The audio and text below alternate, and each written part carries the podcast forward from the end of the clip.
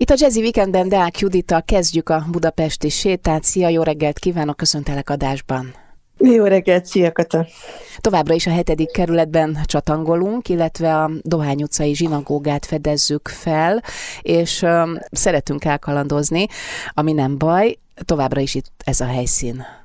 Igen, igen, hát ez egy csodálatos helyszín, és az egyik legjobb destináció Budapesten, úgyhogy én nagyon-nagyon javaslom azoknak a kedves hallgatóknak és akik nem a vallás miatt, hanem a szépség meg a kultúrtörténeti érdekesség miatt keresnének valamit, olyat, amit még eddig nem láttak, mert ez feltétlenül az.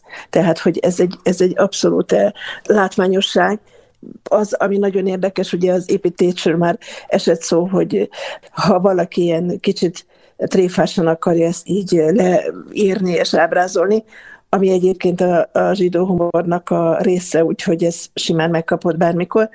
Kívülről olyan, mint egy mecset, ha megnézed a szerkezetét, belépsz, akkor olyan, mint egy római katolikus templom, és hát igazából zsinagóga persze, mert hogy tele van nem csak Dávid csillaggal, hanem egyéb fontos jelképekkel és más dolgok is, amik a, a találsz, amióta tartozik a zsinagógához. Úgyhogy ez egy, ez egy nagyon-nagyon tanulságos dolog.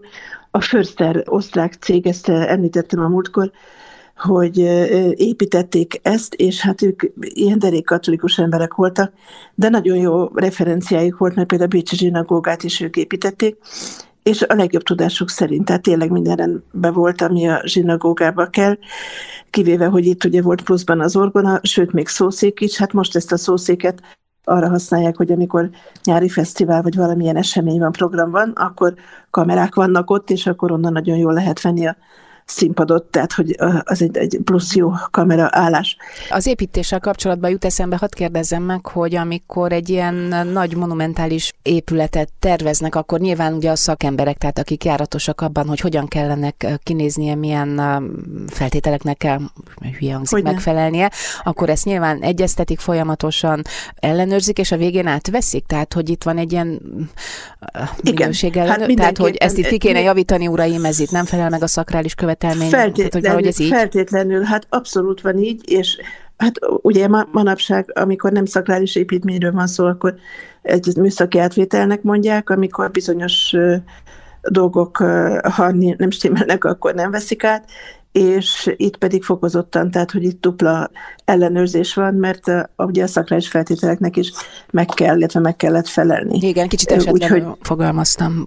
de, de abszolút, de, de teljesen igazad van, tehát hogy ennek, uh-huh. és, és abszolút rendben van ez, tehát az, hogy egy kicsikét más, ez egy neológ zsinagóga, egy kicsit más, mert általában, a, mikor az ember arra gondol, hogy zsidó imaház, vagy hogy megy egy vallásos zsidó imádkozni, akkor általában haszidokra gondol, akik ilyen hosszú kaftánba, imaövvel, tudod, ilyen pajesz és Igen. kalap, és nem tudom, ilyesmi, tehát ezt, ezt gondoljuk mi, de azért ez egy kicsi százaléka Magyarországon is, nem éri el a 20%-ot az ortodox zsidók aránya, és a többiekre form, vagy pedig neológ zsidók, amelyek sokkal lazább ágai a vallásnak.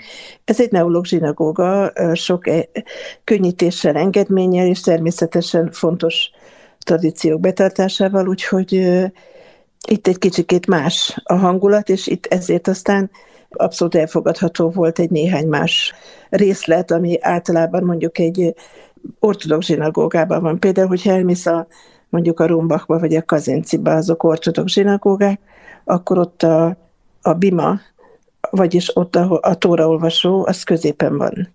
Hát itt pedig egy, úgy, mint egy főoltár helyén, mondjuk, hogyha egy katolikus templomot veszel, a templomnak a végén, tehát az egyik végén van, tehát szemben a bejárata, ott mögötte nem egy festmény van, vagy egy, egy, egy szobor, mint amit látsz mondjuk egy katolikus templomban, hanem ott van a tóra szekrény, ahol őrzik a tórákat, és így tovább. Tehát, hogy ezért meg lehet találni azokat a, igazából egy civilnek is, aki nem nagyon vallásos, meg lehet találni azokat a részleteket, amelyek fontosak ahhoz, hogy a, ha, hogy a hagyományt betartsák. Hát igen, és ezek művészettörténetileg is nagyon értékes, érdekes. Abszolút, Szerintem. abszolút érdekes, és, és hát még az is fontos, hogy a főszeréken kívül a, még a feszlőfrigyesség is dolgoztak rajta, tehát nem csak a főszerék, és amikor megnyitották ezt, 59.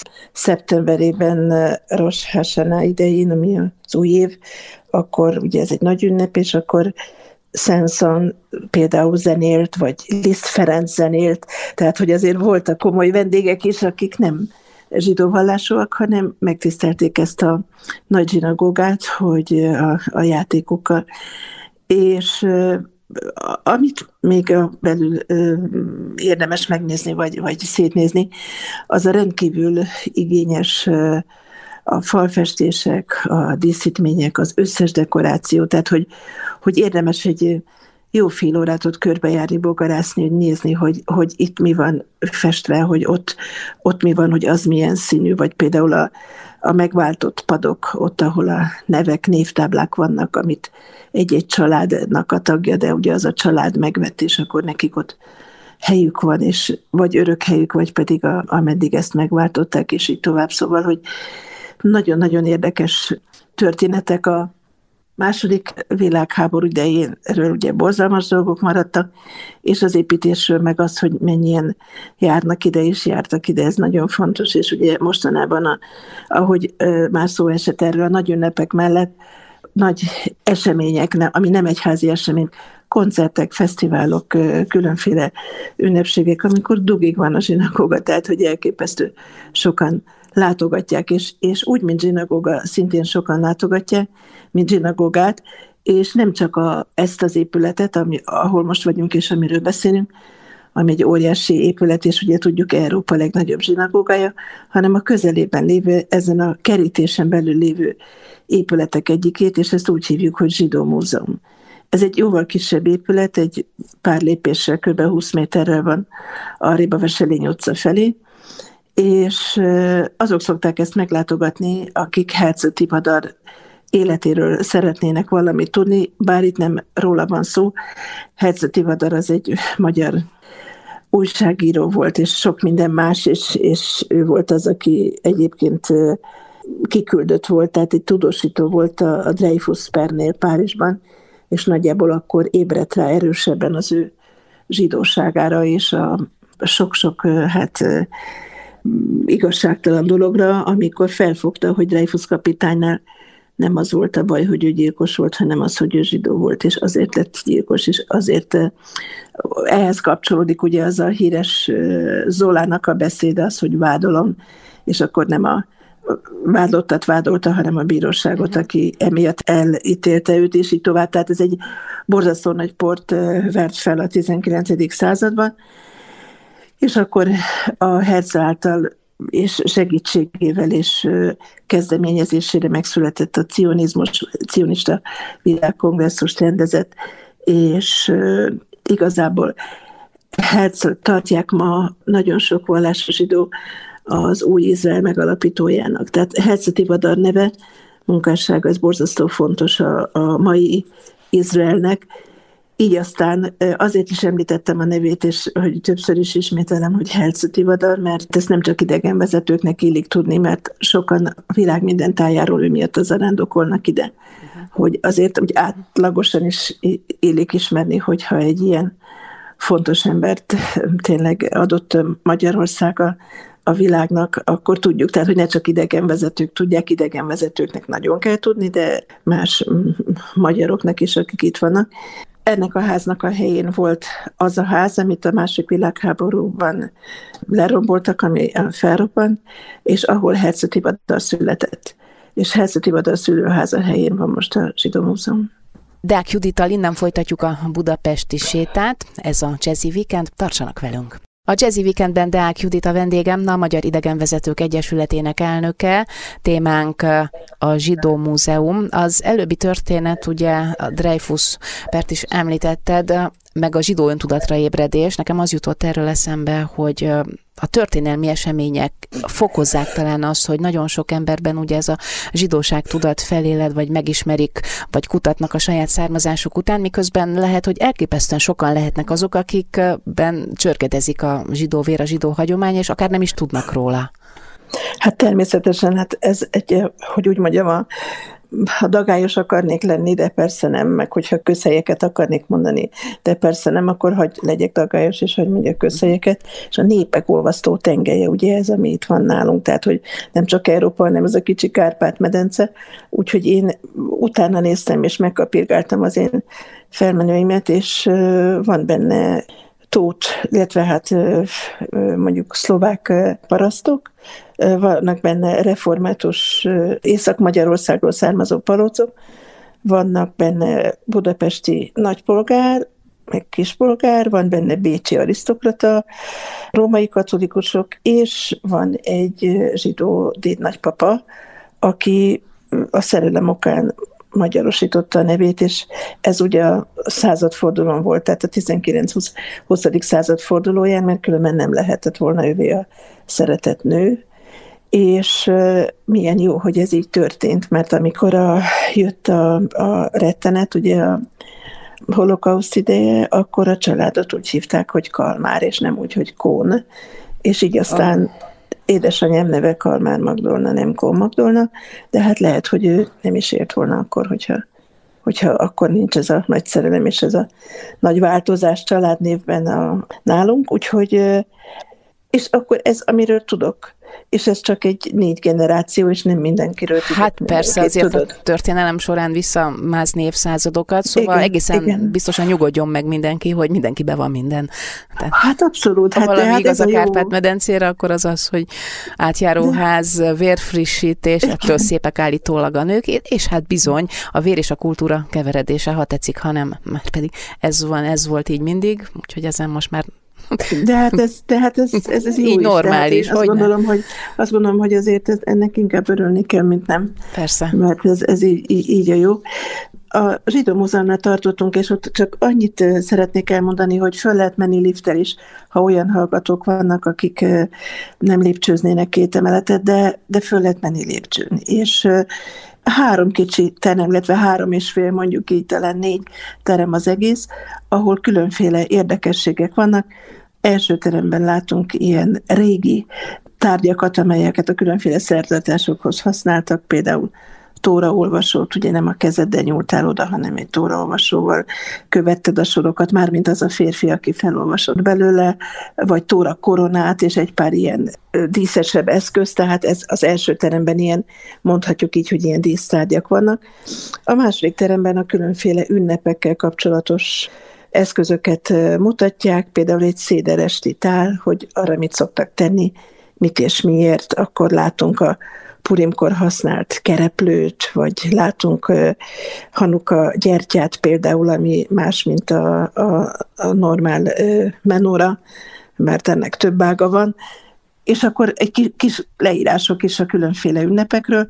Tovább megyünk, és akkor látunk egy olyan helyet, ahol olyan ö, ünnepek, hogy hogyan kapcsolódnak a hétköznapokhoz. Például látunk olyan helyet, ahol ezt a körülmetélést végezték, vagy látunk képeket és tárgyakat esküvőről, vagy látunk köveket, amit a temetőbe bevisznek és rátesznek a, a síra. Úgyhogy nagyon érdekes tárgyak vannak itt is, és akkor a következő terem az meg egy kicsit hát olyan, amit, ahova gyerekeket ne vigyünk be, mert ott van egy pár fénykép a holokausztról, a budapesti rettenetes emlékek, meg a táborokból, amiket egy pár fényképet csináltak, ilyen szemüveghegyek, meg csontok, meg egyebek, szóval, hogy ami a legdurvább, úgyhogy ide én azt szoktam csinálni, hogy az első teremben vannak ezek a kereplők, a, a Purim az egy örömünnep, amikor Eszter nevű zsidó leány megmentette a népét, és ezzel kapcsolatos ez, a, ez az ünnep, és akkor itt amikor emlegették az ő fő ellenségének a nevét, és ott azt kántálták, akkor a gyerekek meg elkezdték a, tekerni a kereplőt, hogy ne is hallják azt a csúnya nevet, aki ilyen mhm. szemtelen volt. És ilyenkor adnak a gyerekeknek ajándékot, általában édességet, és így tovább. Szóval ez egy végre egy örömünnep, mert zsidó ünnepek között sajnálatosan nagyon sok a, a szomorúság, tehát az ilyen rettenetes dolgokra emlékezés, ez a, ez a Purim kivétel, és akkor gyerekeknek érdemes ezeket részletesen végigmutogatni, és akkor ők nem menjenek be a negyedik szobába.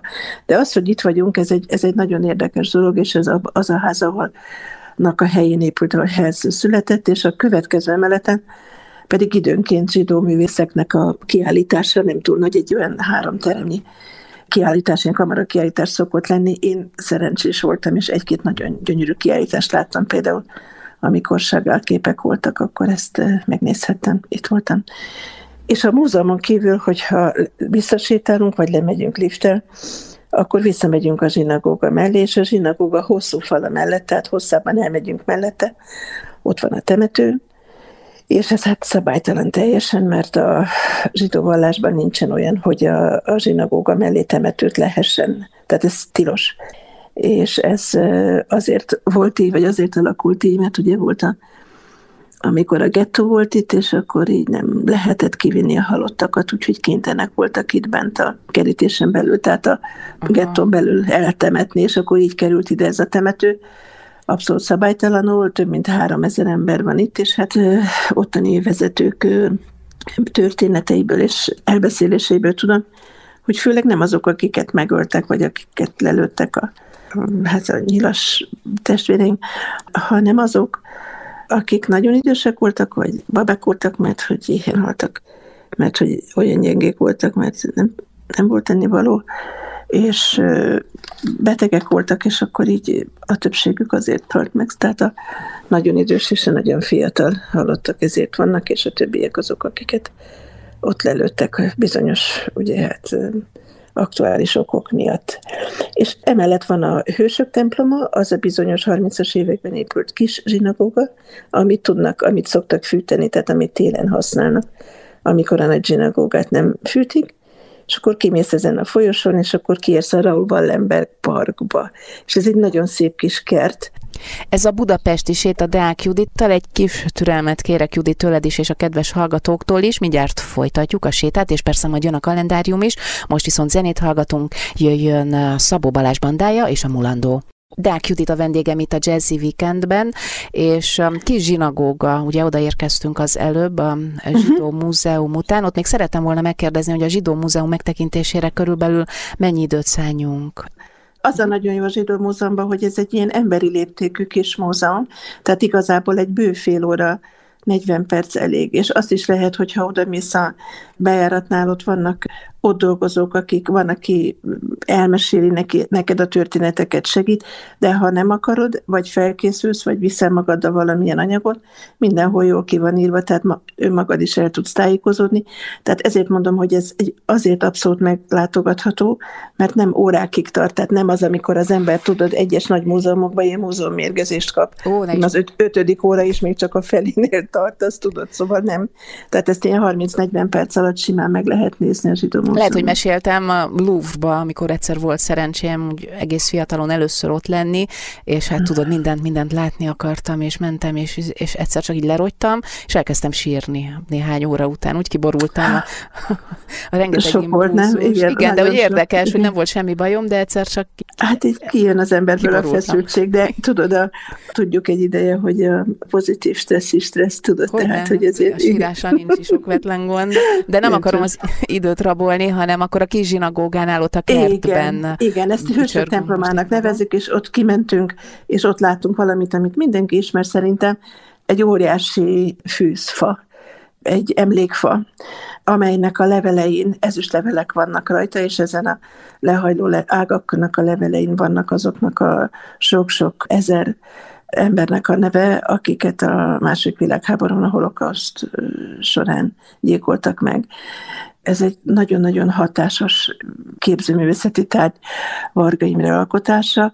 Az udvar hátsó részében, vagy a kert hátsó részében pedig a, a földön is, és ilyen kis, mondjuk ilyen posztamenseken azt mondanám, az úgynevezett igazaknak a nevei olvashatók. Például Raúl Wallenberg, ugye a svéd diplomata, de ott van Lutz, ott van Rotta és más olasz, olaszok, akik ilyen nagy megmentők voltak, de ott van idősebb Antal József neve is, és másoké. Tehát hogy ez egy olyan kis komplex információ. Megnézel egy nagy zsinagógát, megnézed a zsidó múzeumot, ilyen érdekes napi dolgokat, ünnepi dolgokat, eljössz a temető mellett, az csak egy két perc, három perc, és ott az udvaron pedig ez, a, ez az emlékfa, és az igazak nevei, az igazak, akik segítették a zsidókat akkor, amikor a vészkorszak volt, abszolút megrázó, de borzasztóan erős élmény, amit én azt gondolom, hogy már általános iskolás, tehát nagy, amikor már felsős a gyerek, akkor már meg lehet neki mutatni, és ezt az egész, ez, az egész érdemes egy olyan mondjuk olyan másfél órát, max. két órát rászállni, és aztán a közelbe elmenni, és enni valami finom zsidó ételt, akár kósert, vagy pedig egyéb zsidó ételeket, és körbejárni a kerületet, mert hogy ez is egy kis ékszerdoboz, ez a hetedik kerület. Hát nagyon szépen köszönjük. Én mindig bízom abban, és hallottam is már visszajelzéseket, hogy igen, tehát mivel minden napot járunk elünk, az impulzus megvan, és az emberek egyszer csak kíváncsivá válnak, és, és valóban egy új világot tudunk felfedezni. Nem kell messzire utazni, sőt, sehová nem kell utazni. Igen, igen. Nem kell pénzt költeni, és egy, egy újabb csodát tudunk felfedezni. Igen, igen. És, és ez is ilyen. És a kalendárium is tartogat érdekességeket, lefogadom. Igen. Augusztus Hogyne. első hétvégéje Igen. ez, most hatodika van. Igen, ez egy nagyon érdekes dolog, hogy, hogy hát nem érdekes, csak, csak döbbenetes, hogy így rohan az idő, ugye, hogy mindig újból felkapjuk a fejünket, hogy megint egy újabb hónap, augusztus 6-a, és a 6-a, 7 ugye ez a, ez a hétvége. Nekem 6-áról leginkább a Marsalkó János jut eszembe, ő egy szobrász volt, és a leghíresebb művei a nagyon sokat vitatott szobrok ott a, tudod, a láncszínon, ezek az oroszlán igen. szobrok, amit mondták, hogy ugye nincs. Van nyelvük, nincs nyelve. Igen. Van nyelve, nincs nyelve, igen. Csak behúzta, akkor... de van. Igen, igen, igen. És itt ugye itt semmi más nem volt, csak az, hogy hát alulról nem látszik a nyelve, de hogyha valaki fölmászik oda, akkor meg tudja nézni, Budán jobban látszik, Pesten kevésbé, a Pesti oroszlánnál most kiderül majd, hogy a felújítás után mi lesz, de ez eredetileg így volt. És hát annak idején, amikor én idegenvezető iskolában jártam, ugye még a 20-as években, a 20. század elején. Mi 20? Hát na jó, csak igen, majdnem. majdnem. A te 20-as éveidbe így értetted? Mondjuk így, mondjuk így, igen. Akkor volt az, hogy nagyon-nagyon jó tanárom volt, és azt mondta a tanár úr, hogy gyerekek, akik angolosok, amerikaiaknak az a sztori, hogy szegény Marzsalkó, amikor felavatták a hidat, akkor kifogásolták a népek, hogy ugye nincsen nyelv az oroszlánnak, és bánatában, szégyenletében, mert hát ez rettenetes, fogta magát és megöngyékolta magát, és akkor különben is divat volt ilyen hídavatásoknál tudott beleugrani, és akkor öngyilkosnak lenni, igen, öngyilkosságot Csoportosan akár? Igen, akár csoportosan. Na most ő egyedül elkövette ezt, mert hogy úgy szegyelte magát, hogy nincsen nyelve az oroszlánnak. Ám de, tehát, és ez nagyon csípik, tehát kipróbáltam persze, mindent kipróbálok a turisztokon. Híd leugrás. Ez, hát persze, hogyne, hogyne, és ez ú, tény, na hát igen, szóval, hogy ez, ez hatásos. De ha, a, ne adja Isten, hogy ők megnéznének valamilyen bármit a Marsalkó János, persze úgyse tudják megjegyezni a nevét, úgyhogy nincs nagy rizikó, de hogy megnéznének valamilyen, bármilyen ö, lexikont vagy enciklopédiát vele kapcsolatosan, mert hát az a helyzet, hogy bő 20 évig élt, miután felavatták a láncidat. Miután öngyilkos lett. Tehát miután öngyilkos lett, és akkor utána ugye hát, még volt 20 jó éve, és ezekben az években a Rodasfürdőnek a szobrait, a Kassai Szent Erzsébet Székes Egyház szobrait, a, a Fóti Katolikus templom szobrait, vagy például a Vigadón egy csomó szobrot elkészített, úgyhogy az a helyzet, hogy nagyon is termékeny művész volt ez a Marsalkó, tulajdonképpen annyi volt, hogy nem volt ott a hidavatáson, tehát ugye kezdődik ott, hogy nem nagyon lehetett önnyékos, mert nem volt ott. Jó, egy másik alkalommal, még a hidavatás előtt pellengére próbálták állítani ez ügyben a Pesti oldalon leginkább, hogy hát ilyen gondatlan volt, és akkor ő azt mondta, és nagyon jogosan, hogy ez nem egy pásztorkutya, hogy kilógassa a nyelvét, amikor fut a birkák után, és teljesen igaza volt. Úgyhogy én akkori lapokból lehet olvasni erről. Fogadást ajánlottak neki, ő mondta, hogy fogadjunk, hogy megtalálják. Hát ugyan nem, igen, nem. Rettenetesen sokan fogadtak ellene. És akkor még azt is mondta, ez nem szó szerint így, de körbe ez volt az értelme, hogy és még belül, a szobron belül ott van a zsigeri pak, ugye, mert hogy azért külön nem fogja, most kívülről nem látszik a mája tüdeje, szíves, a többi, de attól még tudjuk, mind, hogy... Minden, attól még tudjuk, hogy benne van, igen. Na és lehet látni, tehát egészen közelről lehet látni a nyelvét minden négy oroszlának, úgyhogy Marsalkó János ezzel nem, hogy öngyilkos lett és belehalt ebbe, hanem olyan rengeteg pénzt nyert a oktondi, tudod, ilyen felhevült lakosságtól, hogy évekig nem kellett neki dolgozni, és legalább hat év telt el, amíg legközelebb dolgozott, mert hogy több pénzt szedett be ezen a fogadáson, amit megnyert, mint a négy oroszlánnak a munkadíján. Így is van. Nagyon röviden azt szeretném mondani, hogy holnap, vagyis hogy hetedike, emlékezzünk arra, hogy Cseh Tamás halála, tehát minnyáján tudjuk, szeretjük, tiszteljük, és hát nagy veszteség, hogy ő több mint tíz éve nincs velünk. Nyolcadikán pedig kölcsei halálára emlékezünk, és csak annyi, hogy aki arra felel, akik Szatmár, Csekén, Észak-Kelet-Magyarország, a temetőben van egy csodaszép síremléke, ott a művelődési házban van neki egy külön kis szobája, és nagyon szép a, a házában, ahol lakott az utolsó több mint húsz évet ott töltötte, több mint húsz évét ott töltötte, és ott fejezte be a himnuszt is Szatmácsekén.